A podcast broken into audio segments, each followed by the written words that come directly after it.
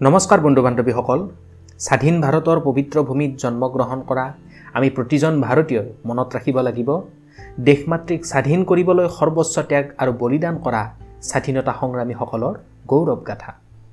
এই ক্ষেত্ৰত অসমীয়া বীৰসকলৰো অন্যবদ্য অৱদান আছে।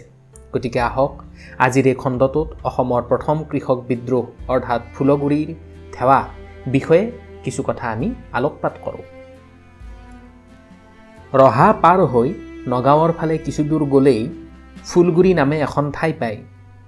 এই ঠাইখিনিয়েই হৈছে সেই স্থান য'ত ওঠৰশ একষষ্ঠি চনত ফুলগুৰিৰ ধেৱা সংঘটিত হৈছিল। অসমীয়াত ধেৱা শব্দৰ অৰ্থ হ'ল বিদ্ৰোহ। এই বিদ্ৰোহ আছিল ফুলগুৰি আৰু ইয়াৰ দাঁতিকাষৰীয়া অঞ্চলৰ জনতাই ইংৰাজৰ বিৰুদ্ধে কৰা বিদ্ৰোহ। এতিয়া আহক এই বিদ্ৰোহৰ পটভূমি সম্পৰ্কে কিছু আলোচনা কৰোঁ।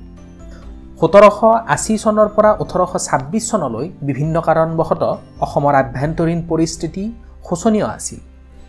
এই কাৰণসমূহৰ ভিতৰত প্ৰধানত মোৱামৰীয়া বিদ্ৰোহ আৰু মানৰ অসম আক্ৰমণকে অন্যতম বুলি ক'ব পাৰি। মানৰ আক্ৰমণৰ পাছত অসমৰ জনসংখ্যা আধালৈ হ্ৰাস পাইছিল। শেষত ওঠৰশ ছাব্বিছ চনৰ চৌব্বিছ ফেব্ৰুৱাৰীত ইয়াণ্ডাবু সন্ধিৰ জৰিয়তে অসম ইংৰাজৰ হাতলৈ যায়। ইংৰাজৰ শাসনৰ প্ৰধান উদ্দেশ্যই আছিল ৰাজহ সংগ্ৰহ। মানৱ কল্যাণ তেওঁলোকৰ কোনো কালেই বিচাৰ্য বিষয় নাছিল। পূৰ্বৰ আহোম ৰজাৰ দিনৰ সকলোবোৰ ৰাজহ প্ৰণালী মষিমূৰ কৰি তেওঁলোকে নিজৰ পদ্ধতি প্ৰৱৰ্তন কৰিছিল। ইয়াৰ পিছত চিপাহী বিদ্ৰোহৰ ফলতো ইংৰাজসকলৰ অৰ্থনৈতিকভাৱে বহুত লোকচান হৈছিল। এই লোকচানসমূহ পূৰণ কৰিবৰ কাৰণেই ইংৰাজে অসমৰ জনসাধাৰণৰ ওপৰতো যথেষ্ট পৰিমাণে কৰ বান্ধি দিছিল। আহোম ৰজাৰ দিনত বনজ সম্পদৰ ওপৰত সম্পূৰ্ণ অধিকাৰ জনসাধাৰণৰ আছিল। কিন্তু ইংৰাজসকলে শাসনভাৰ গ্ৰহণ কৰিব লোৱাৰ পিছৰে পৰা বনজ সম্পদৰ ওপৰতো ৰাইজৰ অধিকাৰ তেখেতসকলে অগ্ৰাহ্য কৰিছিল আৰু অত্যাৱশ্যকীয় সামগ্ৰীসমূহ যেনে বাঁহ খেৰ ইত্যাদিৰ ওপৰতো অত্যাধিক কৰ লগাইছিল। অকল ইয়াতেই ইংৰাজসকল সীমাবদ্ধ নাছিল। আনকি নৈ বিল জান জুৰি আদিত উপলব্ধ মাছ পুথিৰ ওপৰতো ইংৰাজ চৰকাৰে কৰ লগাইছিল।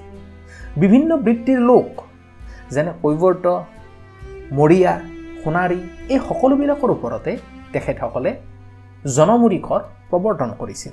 যেনে কৈৱৰ্তৰ ওপৰত পাঁচ টকা মৰিয়াৰ ওপৰত পাঁচ টকা সোণাৰীৰ ওপৰত পাঁচ টকা জনমুৰি কৰ আছিল। আহোম ৰজাৰ দিনত কি আছিল? যে কৰবিলাক সামগ্ৰীৰেও আমি পৰিশোধ কৰিব পাৰোঁ। কিন্তু ইংৰাজসকল অহাৰ পিছত সামগ্ৰীৰে কৰ পৰিশোধ কৰা প্ৰথাটো সম্পূৰ্ণৰূপে বিলুপ্ত কৰি দিছিল আৰু নগদ ধনেৰেহে কেৱল কৰ পৰিশোধ কৰিব লাগিছিল।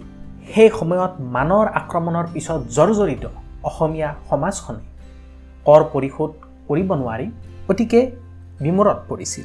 ইফালে উৎপাদিত সামগ্ৰীৰ বজাৰ নাই আৰু এই উৎপাদিত সামগ্ৰীৰ বিক্ৰী মূল্যও অতিকে কম।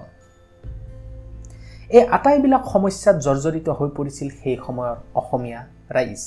ফুলগুৰি অঞ্চলত সেই সময়ত যথেষ্ট পৰিমাণে কানি উৎপাদন হৈছিল। কিন্তু ইংৰাজ চৰকাৰে কি কৰিলে? এই ফুলগুৰি অঞ্চলত উৎপাদিত হোৱা কানিক নিষিদ্ধ ঘোষণা কৰি বিহাৰৰ পৰা কানি আমদানি কৰিছিল আৰু অধিক দামত সেই কানিসমূহ অসমীয়া ৰাইজক খুৱাইছিল। এই কানি খাই মানুহবিলাক দেৱলীয়া হৈছিল আৰু দেৱলীয়া হোৱা তেনে মানুহবিলাকক চাহৰ বাগিচাত কাম কৰিবৰ কাৰণে নিয়োজিত কৰিছিল। কিন্তু অসমীয়া মানুহে চাহ বাগানত কাম কৰি ভাল পোৱা নাছিল। গতিকে এনেবিলাক কাৰণেই আছিল ফুলগুৰি ধাৱা অৰ্থাৎ ফুলগুৰিৰ হোৱা কৃষক বিদ্ৰোহৰ অন্যতম কাৰণ কিছুমান। এতিয়া আহক ফুলগুৰি ধাৱাৰ পৰৱৰ্তী কাৰ্যক্ৰমণিকাৰ বিষয়ে কিছু কথা আমি আলোচনা কৰোঁ।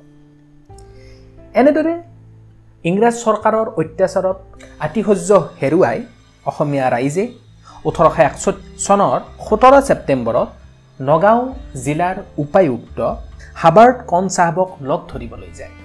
কিন্তু হাবাৰ্ট কণ চাহাবে অসমৰ জনসাধাৰণক লগ নকৰিল। আনকি তেখেতসকলক নানান লাঞ্ছনা কৰি তাৰ পৰা খেদি পঠিয়াইছিল। ইয়াৰ পিছত আকৌ ন অক্টোবৰত পুনৰ ফুলগুৰি অঞ্চলৰ জনতাই উপায়ুক্তক লগ ধৰিবলৈ যায় কিন্তু ইয়াতো তেওঁলোক কৃতকাৰ্যতা লাভ কৰিব নোৱাৰিলে। পোন্ধৰ অক্টোবৰৰ তাৰিখে ফুলগুৰি অঞ্চলৰ ৰাইজে সিদ্ধান্ত ল'লে যে তেওঁলোকে পাঁচদিনীয়া এখন সন্মিলন পাতিব। আৰু এই সন্মিলনত ভৱিষ্যত কাৰ্যপন্থাৰ বিষয়ে তেখেতসকলে আলোচনা কৰিব। গতিকে এই সন্মিলনখনৰ বিষয়ে সম্ভেদ পাই ব্ৰিটিছ চৰকাৰে এই সন্মিলনখন বিফল কৰিবলৈ এজন দাৰোগাৰ লগত কিছু চিপাহী পঠিয়াই দি এই বিদ্ৰোহ দমন কৰিবলৈ পঠিয়াইছিল। সোতৰ অক্টোবৰত দাৰোগাই কিছুসংখ্যক লোকক গ্ৰেপ্তাৰ কৰে। ওঠৰ অক্টোবৰত ছিংগাৰ নামৰ এজন বিষয়াই বিদ্ৰোহ দমন কৰিবলৈ আহে। তেখেতে আহি সেই সময়ৰ উত্তেজিত জনতাই হাতত লৈ থকা লাঠিসমূহ বৰ্জন কৰিবলৈ আহ্বান জনায়। কিন্তু উত্তেজিত জনতাই এই দাবী অতি সোনকালে মানি লোৱা নাছিল। সেইকাৰণে পুলিচে বলপূৰ্বকভাৱে লাঠিসমূহ সংগ্ৰহ কৰিবলৈ নামি পৰিছিল।